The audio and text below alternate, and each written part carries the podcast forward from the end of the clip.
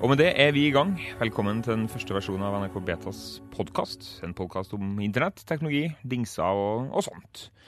Vi sitter i NRK Beta sine redaksjonslokaler, hvor vi har fått noen gamle mikrofoner fra NRKs mange lager. Med meg er journalist Ståle Grut. Velkommen. Hei. Hei, hei. I tillegg har vi Anders Hofseth, løs kanon på dekk. Hei. Og storfint besøk av gamle redaktør for den samme gjengen, Erik Solheim. Jo, takk for det. Jeg heter Marius Arnesen. Men først, dere, hvordan har uka vært i den teknologiske verden for, uh, for dere? Nei, det har vært grei. Helt på jevne, syns jeg. Helt på jevne. Mm. Erik? Og Det har vært store hendelser. Back to the Future Day Det jo, var jo den dagen som Martin McFly reiser til i Back to the Future nummer to. En film som jeg har hatt lidenskapelig forhold til. Og Jesper, han der arrogante fyren der borte, hva, hva, hva mener liksom Anders Hofseth er viktigere enn Back to the Future, da?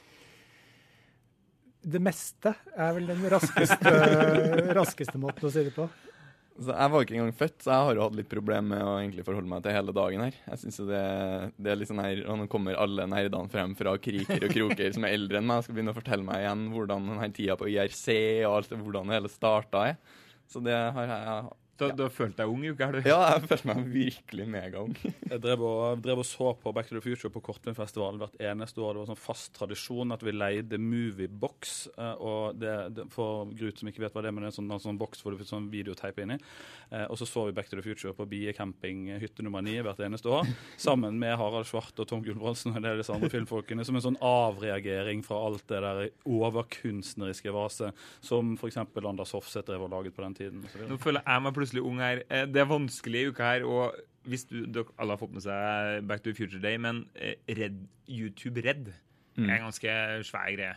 Ja, det, og det er, det er, jo da betalversjonen av YouTube, hvor du uh, ikke har reklame. Uh, men til gjengjeld så kan du få noen eksklusive ting som du får enten først der eller kun der. Uh, og, og, det jeg har tenkt litt på er at Dette er jo egentlig noe de har kunnet gjøre forferdelig lenge, men hvor de har sittet ganske lenge på sin forrige modell.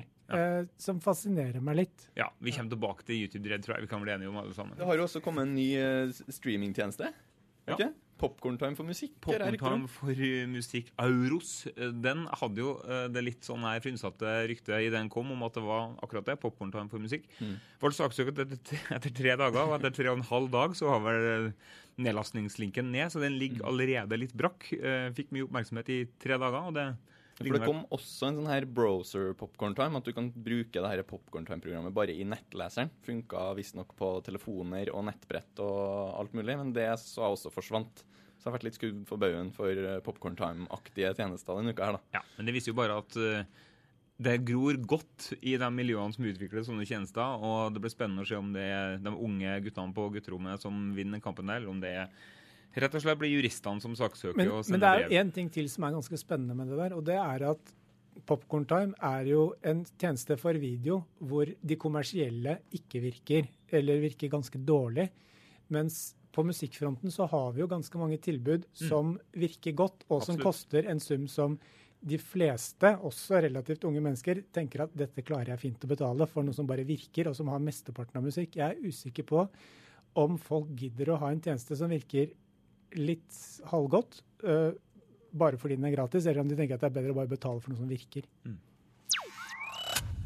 Det var uka som gikk. Eh, første sånn litt store tema vi skal snakke om i dag, er en, en gammel kjenning av oss som har uh, som har vært på internett en stund, det er 23andMe. De har kommet tilbake fra, om ikke de døde, så i alle fall en slags dvale, hvor de har vært forbudt av amerikanske helsemyndigheter. Uh, 23andMe er altså et firma som driver med DNA-prøver. Og Erik, hva, hva, hva, gjør de egentlig? Det er et selskap hvor du kan uh, få analysert DNA-et ditt, og så kan du få vite hvor du kommer fra, og slektninger og alt mulig, men så kan du også få analysert hvilke sykdommer du eventuelt er disponert for, rent sånn genetisk. Og en annen er forstått ganske viktig ting er hvordan du reagerer på legemidler, som kan være interessant å vite. Og det er jo relativt ny forskning og ny teknologi, men de vet mer og mer om eh, hvordan kroppene våre fungerer basert på DNA-et ditt, rett og slett. Og det fungerer sånn at du bestiller en eh, pakke fra Amerika. Der kommer det en pakke i posten med et lite reagensglass som du spytter oppi, og der er ferdig returkonvolutt, så du sender en spyttglyse til Amerika.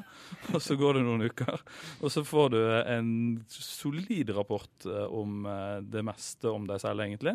Hvor du kan lese sånne spennende ting som at hvis ikke du visste at du hadde blå øyne fra før, så kan du lese der at du har blå øyne, osv.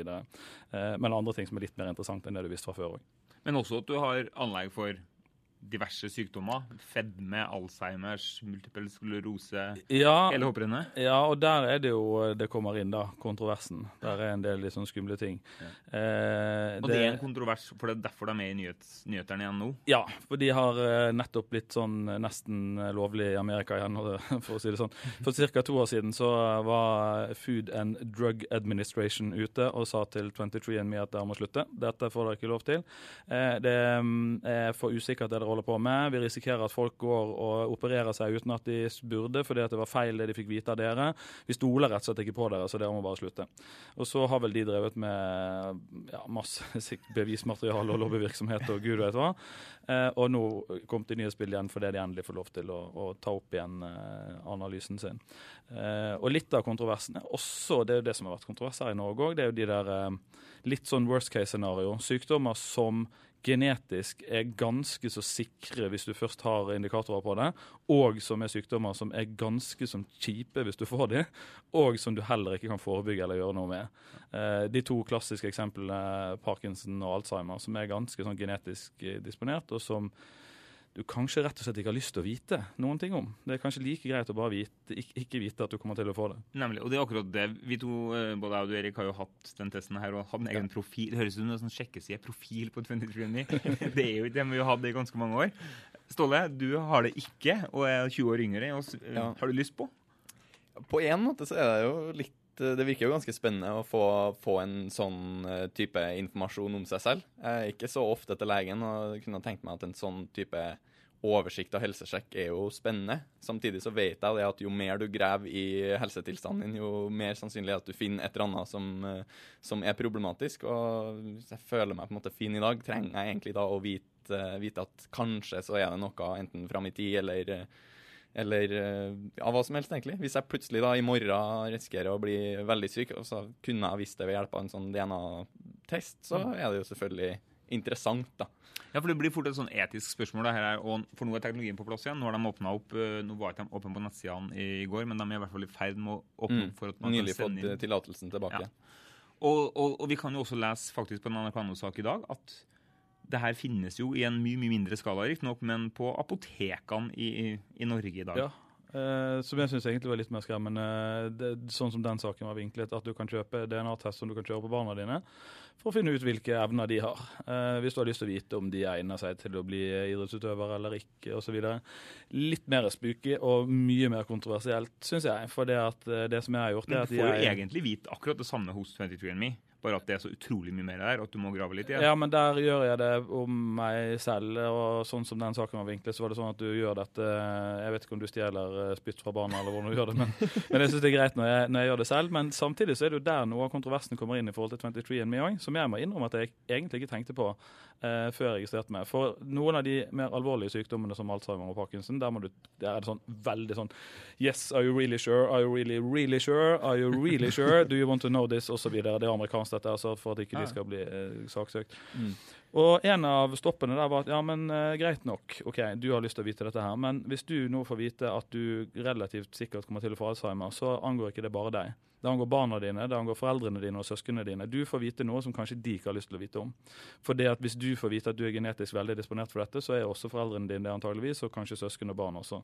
Og det er en sånn greie som jeg må innrømme at jeg ikke tenkte på før jeg fikk den der, at oi, hm, ja. Jeg får vite ting som ikke bare handler om meg, egentlig. Mm. Eller ikke bare egentlig, men rent genetisk 100% tydelig handler det ikke bare om meg. Mm. Vi ser jo også at uh, forsikring og sånne ting begynner å knyttes opp til, til helsetilstanden og forskjellig når du har store datamengder, da, som det her i praksis er. Og da tenker jeg sånn Hvis uh, en arbeidsgiver på en måte vet uh, har oversikt over ditt genmateriale og du er predisponert for denne, og denne sykdommen, det er selvfølgelig megalangt fram i tid, her da, men, men, på en måte i sånn ytterste konsekvens av det her, og en del av grunnene til at jeg er litt, eh, litt skeptisk til å gi fra meg denne typen helsedata. Mm. Men, jo, men, men den der sikkerhetsgreien, selvfølgelig så har jeg akkurat på 23andMe et av de stedene hvor jeg har et passord som er litt sånn ordentlig, for det er spooky at noen andre skulle komme inn der. Samtidig så var jeg på en konferanse for mange år siden eh, hvor eh, det var vel to av disse her grunnleggerne av 23andMe, og så var det noen andre som var til stede. Eh, og det var en som var helt ekstremt skeptisk. Og DNA-et mitt og, det, det, og genene mine, det er mine, og det er utrolig privat, og det skal ingen andre ha. Eh, hvor han ene som satt der, sa til henne at liksom, ja, men det, du strør jo om deg med DNA-et ditt overalt. og Dro opp et hårstrå som så tydelig ut som det var hennes hårstrå. Sa jeg har DNA-et ditt her, liksom, det er ikke noe problem. Og Sånn sett så er jo det riktig. Vi strør jo om oss med DNA overalt, så sånn sett så burde jo kanskje denne profilen min på 23 vi bare vært åpen. Hvis, de, hvis noen vil finne det ut. Så. En slags github for ja. men, men, poenget nå, heldigvis, da, så er vi ikke der ennå. Det, det, å ta et hårstrå eller uh, hudpartikler og sånn, det er fremdeles svinedyrt. Du må ha litt mer for at ikke det skal være veldig dyrt å analysere. Men det er jo en av grunnene til at 23andMe faktisk er oppe og går og eksisterer, er jo at teknologien har blitt billigere.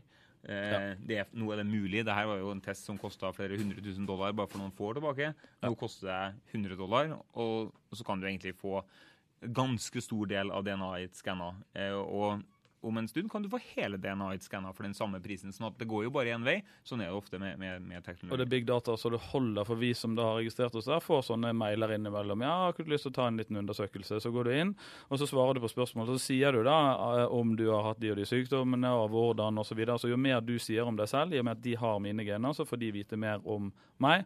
Så dataene blir bedre og bedre. Så får du mailer, og nå, vi litt, nå vet vi litt mer om deg. Og det, det har jo fått vi har vært der i og, to år. Og vi har funnet en fifth cousin i, i Minnesota. Ja. det finner vi hele tida. Ja, for de finner slektninger. Og der var det akkurat det samme. Du får eh, jeg tror det er opp til third cousin eller noe sånt. Og så hvis du vil ha slektninger som er nærmere enn det, i hvert fall opp på søsken og sånn, så var det yes, are you really, really sure, are you really sure, are you really sure? For hvis du plutselig oppdager søsken som du ikke visste at du hadde, så er det jo heller ikke bare deg det handler om. Det ene er jo at du får en oversikt sjøl. Du får en kjempefin profil her på, på internettet. En slags sånn nesten som en sjekkeside, for å si det sånn. Vi med 23andMe-profil. Eh, men det andre er jo at de dataene som faktisk kan fortelle deg noe om din egen helsetilstand, de kan du jo printe ut og ta med til fastlegen din. Det har ikke jeg å gjort, for jeg er sånn dritskeptisk. Jeg tror det norske helsevesenet er mega Jeg tror det pigga ut med en gang. Da har du googla, Marius. Da har du googla dine egne ja. helsetilstander. ikke det? Jo, jo, det, det, er tabu, det. Det er sånn nettdoktor eller nettdoktor eller mobildoktor. Det er jo megatabu. Og her er kanskje sånn prikken over i-en av tabu, føler jeg. Det er sånn, Jeg tør ikke. Kan ikke dukke opp til fastlegen din med utskrift av alt som, som feiler meg. Eh, som frekk bergenser så uh, testet jeg. Ja. Eh, bank i bordet så er jeg ikke ofte hos legen, eh, heldigvis. Men så skulle jeg til legen eh, for Og det er for så vidt sånn relevant i forhold til dette. For da viser det seg at i familien så er det en potensielt arvelig hjertesykdom. Så jeg får beskjed ja, om at du må stikke og sjekke deg hjertet litt. Eh, en sånn greie som du absolutt har lyst til å vite. For det at eh, symptomene eh, hvis du har dette her, er at du faller død om plutselig som er et kjipt symptom. Uh, og det er veldig veldig enkelt å gjøre noe med. Sånn at hvis du, hvis du, får vite at du har dette her, og så kan du operere inn en sånn liten pacemaker-greie, og så er det helt fint. Så det har du lyst til å vite. Så jeg går jo da at da må jeg først til fastlegen. Jeg vet jo akkurat hva det er. Skal jeg få streng beskjed av legen til min mor om at jeg må uh, gå til og be om akkurat dette. Og så og hun vet hva det er for noe. Jeg tenkte, ja, men går jeg gjennom da, 23andMe, og så fant jeg de tingene som hadde med hjertet å gjøre. Og ingenting sånn graverende der, men jeg hadde noe sånn Og de er veldig sånn fine, du kan trykke på utskrift og komme Ja, For der er ikke noe knapp sendt til fastlegen'? Det Nei, det er det ikke. Men jeg printet ut på papiret. Tok med til min gamle fastlege. Eh, og hun bare fnyste omtrent før jeg hadde nevnt det. Og bare hun visste hva det var, og dette har jeg ikke noe tro på. Punktum. Ferdig. Når det gjelder fastleger, så har du jo eh, timeavtale der. En fastlegetime er jo 45 sekunder, eller hva det er for noe. Så jeg har ikke så god tid til å, å snakke med henne noe mer om det. Men så blir jeg henvist til spesialist, for da skal hjertet undersøkes. Eh, spesialisten har litt mer tid, da. Jeg tar med meg samme bunken til hjertespesialisten med alt fra min genetikk som har med hjertet å gjøre, liksom. Uh, og han fnyser også, og dette her uh, syns han ikke noe særlig om. Men han er litt mer sånn på glida, så han ber om å få lov til å se på papirene. Så han ser på det og sier ja, men dette, dette gir ikke meg noen ting. Og det forstår jeg for så vidt. Og han, eh, akkurat han spesialisten var jo spesialist på akkurat det området som jeg kommer viftende med de papirene, så han vet jo For dette er papirer som er printet litt sånn for menig mann. Men Du føler deg litt ekspert, du, ikke men, men, men les ja, men, ja, men, se da. Eh, men han fikk jeg snakket litt med, og da skjønte jeg litt mer. Eh, og, og, det han sier, er, for han skjønte at jeg er ganske pragmatisk til dette, og jeg lar ikke mitt liv styre av disse resultatene, og jeg skjønner at det er tips som har på alt er ikke helt skrevet i stein, selv om de mener at du kanskje i en eller annen retning. Eh, men det han sier er at han får så mye pasienter som er bare frykten lyser ut av øynene på dem når de kommer. Så én ting er å bli sånn eh, Wikipedia-syk, Wikipedia at du, du har lest for mye. Det er nyord. Wikipedia-syk. Det skal vi Eh, pokker meg ja, veldig inn. og, og, at da, og at du ikke er syk, men du har lest så mye at du er overbevist om at du er syk. Og så får du dette på toppen av det hele. Så det var, han, han ser bare så mye unødvendig frykt pga. de som tolker det for mye. Og det forstår jeg jo. Samtidig så kommer vi til å en eller annen dag påvise at vi reddet liv fordi at noen hadde gått med pulsklokke og visste mer om seg selv, eller noen hadde analysert DNA-et sitt. Så dette er kommet for å bli. Garantert. Uansett. Jeg tør fortsatt ikke kjenne print ut og ta med her til fastlegen. Nei, det, men den dagen du kan adde fastlegen din på 23andMe og si halla, sjekk ut det her er det siste tallene jeg fikk. Skal vi sammenligne sykdommer, eller? Og sende en SMS når uh, pulsen min går Ja, opp i 110 ja. Det er noe der. Det er i hvert fall et utrolig spennende felt, og det er jo sikkert både positivt og negativt at 23andMe er tilbake i business, men det er de nå i alle fall. Ny mann på plass i NRK Beta Rotekroken. Trond Johansen, Takk for det. hva er egentlig den formelle tittelen din nå? Nå er jeg produkteier for personalisering. Produkteier for personalisering. Og Ja. det er grunnen til at du er. NRK har denne uka rulla ut eh, personalisering på nett-TV-en. Hva er egentlig personalisering? Personalisering er er et stort begrep, men det vi nettopp har lansert i forrige uke, eh, var eh, det vi kaller for mitt innhold i TV-spilleren. Eh, og det vi forsøker å gjøre, er å hjelpe brukerne i deres mediehverdag litt over tid. da. Eh, så det brukerne får muligheten til, er å stjernemarkere og følge sine TV-favoritter. Og så forteller vi deg hver gang det har kommet en ny episode, et nytt program. Pluss det at eh, vi husker på hva du har sett, sånn at du kan fortsette der du slapp. Altså du kan begynne på mobilen og se et program halvveis, og så kan du senere på dagen eller neste dag fortsette på PC eller noe sånt, og, og der du slapp, uten å måtte fikle og spole osv. Du starter der du slapp. Ståle? For personalisering eller mot personalisering? Du, kun, du kan kjapt være en sånn som er mot. Ja, ikke sant. Nei, det er jo det her med data og hvor mye skal NRK vite om meg og mine preferanser osv.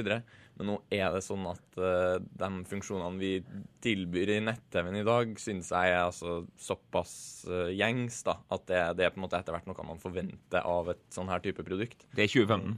Ja, det er det absolutt. Eh, og jeg har vært og lekt meg litt med de forskjellige funksjonene. Jeg synes det, det gjør opplevelsen mye bedre og mye mer praktisk for meg som bruker. da. Mm. Jeg føler ikke liksom at det at, eh, det at eh, nå vet man at jeg har stjernemarkert det neste um, Karl Johan-programmet, er liksom ikke Så du det som er mest noia for at folk det skal vite. Det er ikke Downton Abbey. Nei, Nei. det kunne jeg godt delt på Facebook òg, altså. Det kunne ikke noe ja. Men bruker folk det, eller sier de bare at de vil ha det? Nei, det, det gjenstår. Vi har, vi har lansert det veldig det stille. Vi har lansert kun på web akkurat nå. Eh, og eh, det som kommer før jul, er jo støtte for mobil- og nettbrett-appene. Ja, For det er litt av poenget her. Ja, Poenget er jo å få dette til å funke på kryss av dingsene. I, I snitt så bruker en nordmann 2,4 dingser per dag for å koble seg på nett. Mm. Eh, så det, få, det har jo vært den store jobben for oss. Å få Mm. dette til å fungere helhetlig, synkronisert på kryss av dingsene som en bruker å benytte seg av. Og det, det har vi ikke lansert. sant? Vi har lansert på web, og så kommer appene, og så kommer TV-plattformene eh, litt le lenger ut i 2016. Eh, er det her skummelt, da? Er det sånn at vi blir nå sittende på det såkalte Er, vi, er NRK i ferd med å bli en aktør på big data? Der vi vet alt om brukerne våre, så Ja, det, du kan egentlig si det, altså. At, eh, men bare for å si en ting først, at dette er valgfritt, selvsagt. mm. Alt innholdet vårt er tilgjengelig uten å logge deg på eller lage en konto. Hvis du gjør det, så får du en bedre opplevelse, mer funksjoner rundt din, mm, din mediehverdag. Men som en konsekvens av det, så tar vi vare på hva du har sett, sånn at vi kan synkronisere på, på tvers. Det, det er en av de underliggende mekanismene. Men vi gjør det jo for å lage bedre tjenester og bedre opplevelser. Det er jo det det, er jo det, det handler om for oss og for brukerne. Hvor går folk for å teste det her? Nå går det på tv.nrk.no. Eh, og så ligger det et frimerke oppe til høyre som heter login. Og der trigger du eh, registrering og lager en konto. Og så er du tilbake i TV-spilleren og markerer og følger dine forretter. Vi har jo hatt en beta-periode tidligere. Hva, var den de største lærdommene fra den, eh, fra den perioden?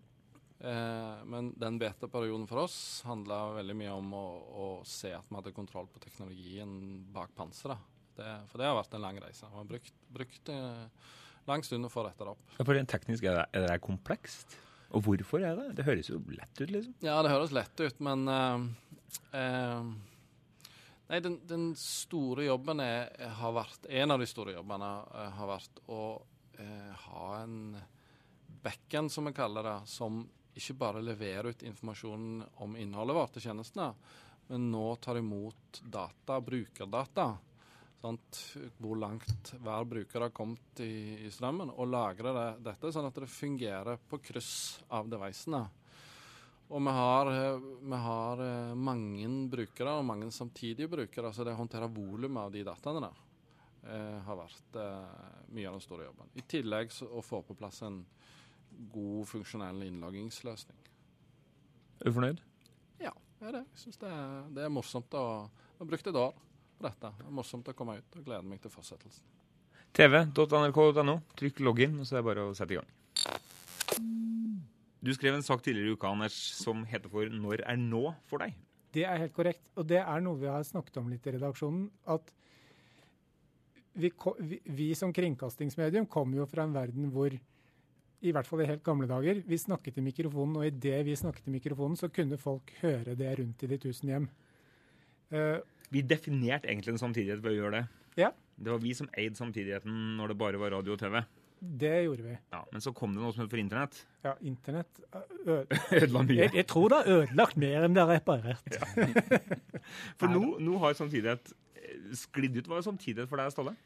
Nei, altså det er jo Overordna så er det egentlig det jeg opplever med flest mulig antall andre mennesker. da kan du si. Eh, men etter hvert som jeg bruker internett og har mobilen, så blir jo ting stadig mer spissa og, og, personalisert ut for når, når, jeg opplever de forskjellige tingene. Så det at jeg ser et TV-program f.eks. på NRK uh, i, i nett-TV-en, det gjør jo at jeg ikke så det da sammen med hele resten av Norge på, på vanlig TV.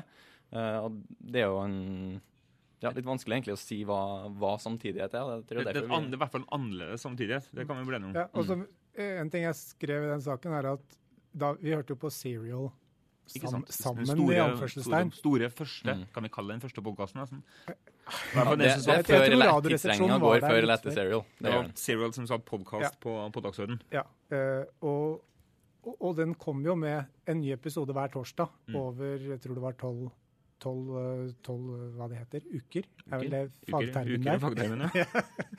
uh, og, og om man hørte det liksom på vei til jobb på fredag, eller om man hørte det mens man gikk med bikkja dagen før, eller noe sånt, så følte man likevel at man var, man var på et eller annet måte samme sted.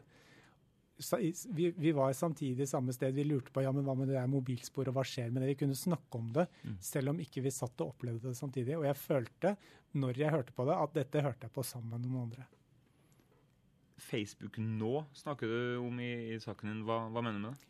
Uh, da mener jeg det at Facebook er jo en det styres jo av en algoritme. Det er ikke sånn at det du, det du får på Facebook, er strictly det ferskeste noen har skrevet på Facebook blant dine venner. Det er masse magisk saus og matematikk som sier at OK, jeg syns Marius sier morsommere ting enn Ståle, øh, eller har ofte trykket like på det, eller Marius har flere felles venner med og masse annen matematikk som sier at OK, Marius sin post havner høyere enn Ståles. Og så en annen dag så har Ståles fått flere tomler opp, og så kommer den først.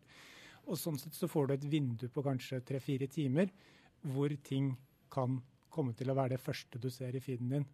Og, og det gjør at Facebook er et ganske dårlig realtidsmedium. Hvis du lurer på hva skjer, skal liksom sånn Hvis vi snakker om breaking news, så er jo Facebook helt ubrukelig mm. til å finne ut hva skjer i verden. Mens Twitter er veldig godt til det, fordi det mye, har, et mye, har en mye strengere kronologi. Men jeg er jo livredd Facebook når det kommer til, til TV-serier. For det er den største spoilermaskinen som er funnet opp. Eh, jeg kan jo rett og slett ikke være på Facebook før jeg har fått sett Game of Thrones. Eh, hva skal si det om samtidighet? Nei, Det gjør det jo også vanskeligere. da. Jeg har jo faktisk sett nå at Facebook eh, prøver å kontre det her. De kommer med et mottiltak, som er altså en slags spoilerhemmende ingrediens i sausen, hvis det er lov å si. Men Det hva, er hva er det si. egentlig den det står i? Vet du? Nei, jeg vet ikke jeg Jeg leste akkurat det samme at nå må Facebook ta, Facebook ta noe grep, fordi folk er livredde for å være på Facebook før de har fått sett diverse TV-serier. Mm. Spesielt TV-serier hvor, det hvor det er spoilers ut og går, og ingen egentlig vet hva som, som skjer. Og det det, har, sier jo det har jo funnes filter mot banneord og sånne ting, så nå er det kanskje filter mot uh, spoiling. ja, Kanskje du kan gå inn og klikke av det. Jeg følger de TV-seriene her. Ja. Hvis det nevnes, så ikke vis det til meg. Ja. Jeg snakket med vår kollega Jakob i trappen om akkurat dette her før i dag, eh, og han sa at nå er det jo blitt sånn at hvis du ser på en TV-serie, så, så sier du ikke uh, du, du sier ikke 'fy faen, det som skjedde i Game of Thrones i går'. Du sier uh, 'ser du på Game of Thrones'? Eh, ja. Hvor langt har du kommet? Episode, OK, vi, og, og så kan man snakke sammen i en Ja, er halvtime. Men hvis det ikke er sånn, så OK, hva skal vi snakke om da? Ja, og, og, og enda verre med den samtidigheten rundt binge-watching. For da er det sånn Har du sett? Ja, ferdig. Ja, sett hele sesongen? OK.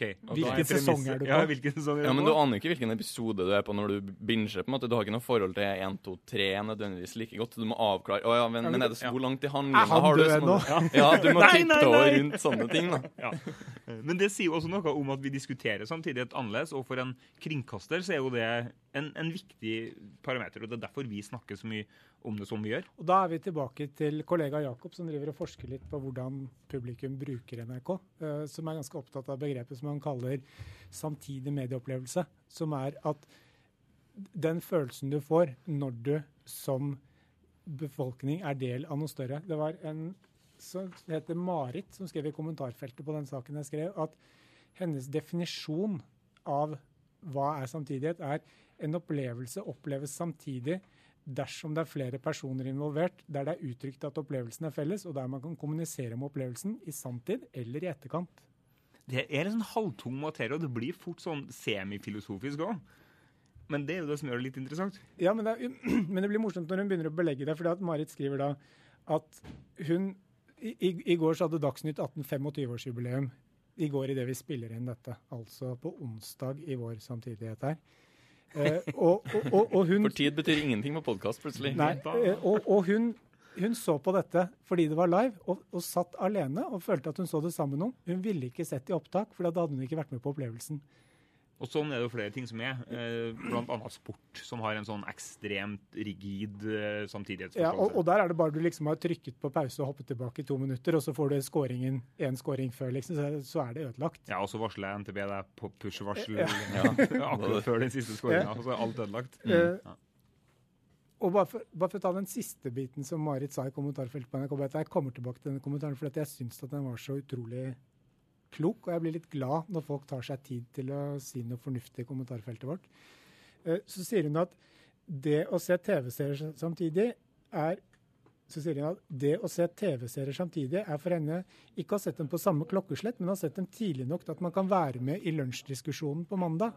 Sånn at om hun ser Nytt på Nytt på fredag kveld eller søndag kveld eller når som helst, gjør ingenting så lenge hun har sett den før hun snakker om det på jobben på mandag. Så hun ville aldri sett det mandag kveld. Og det syns jeg er ganske spennende.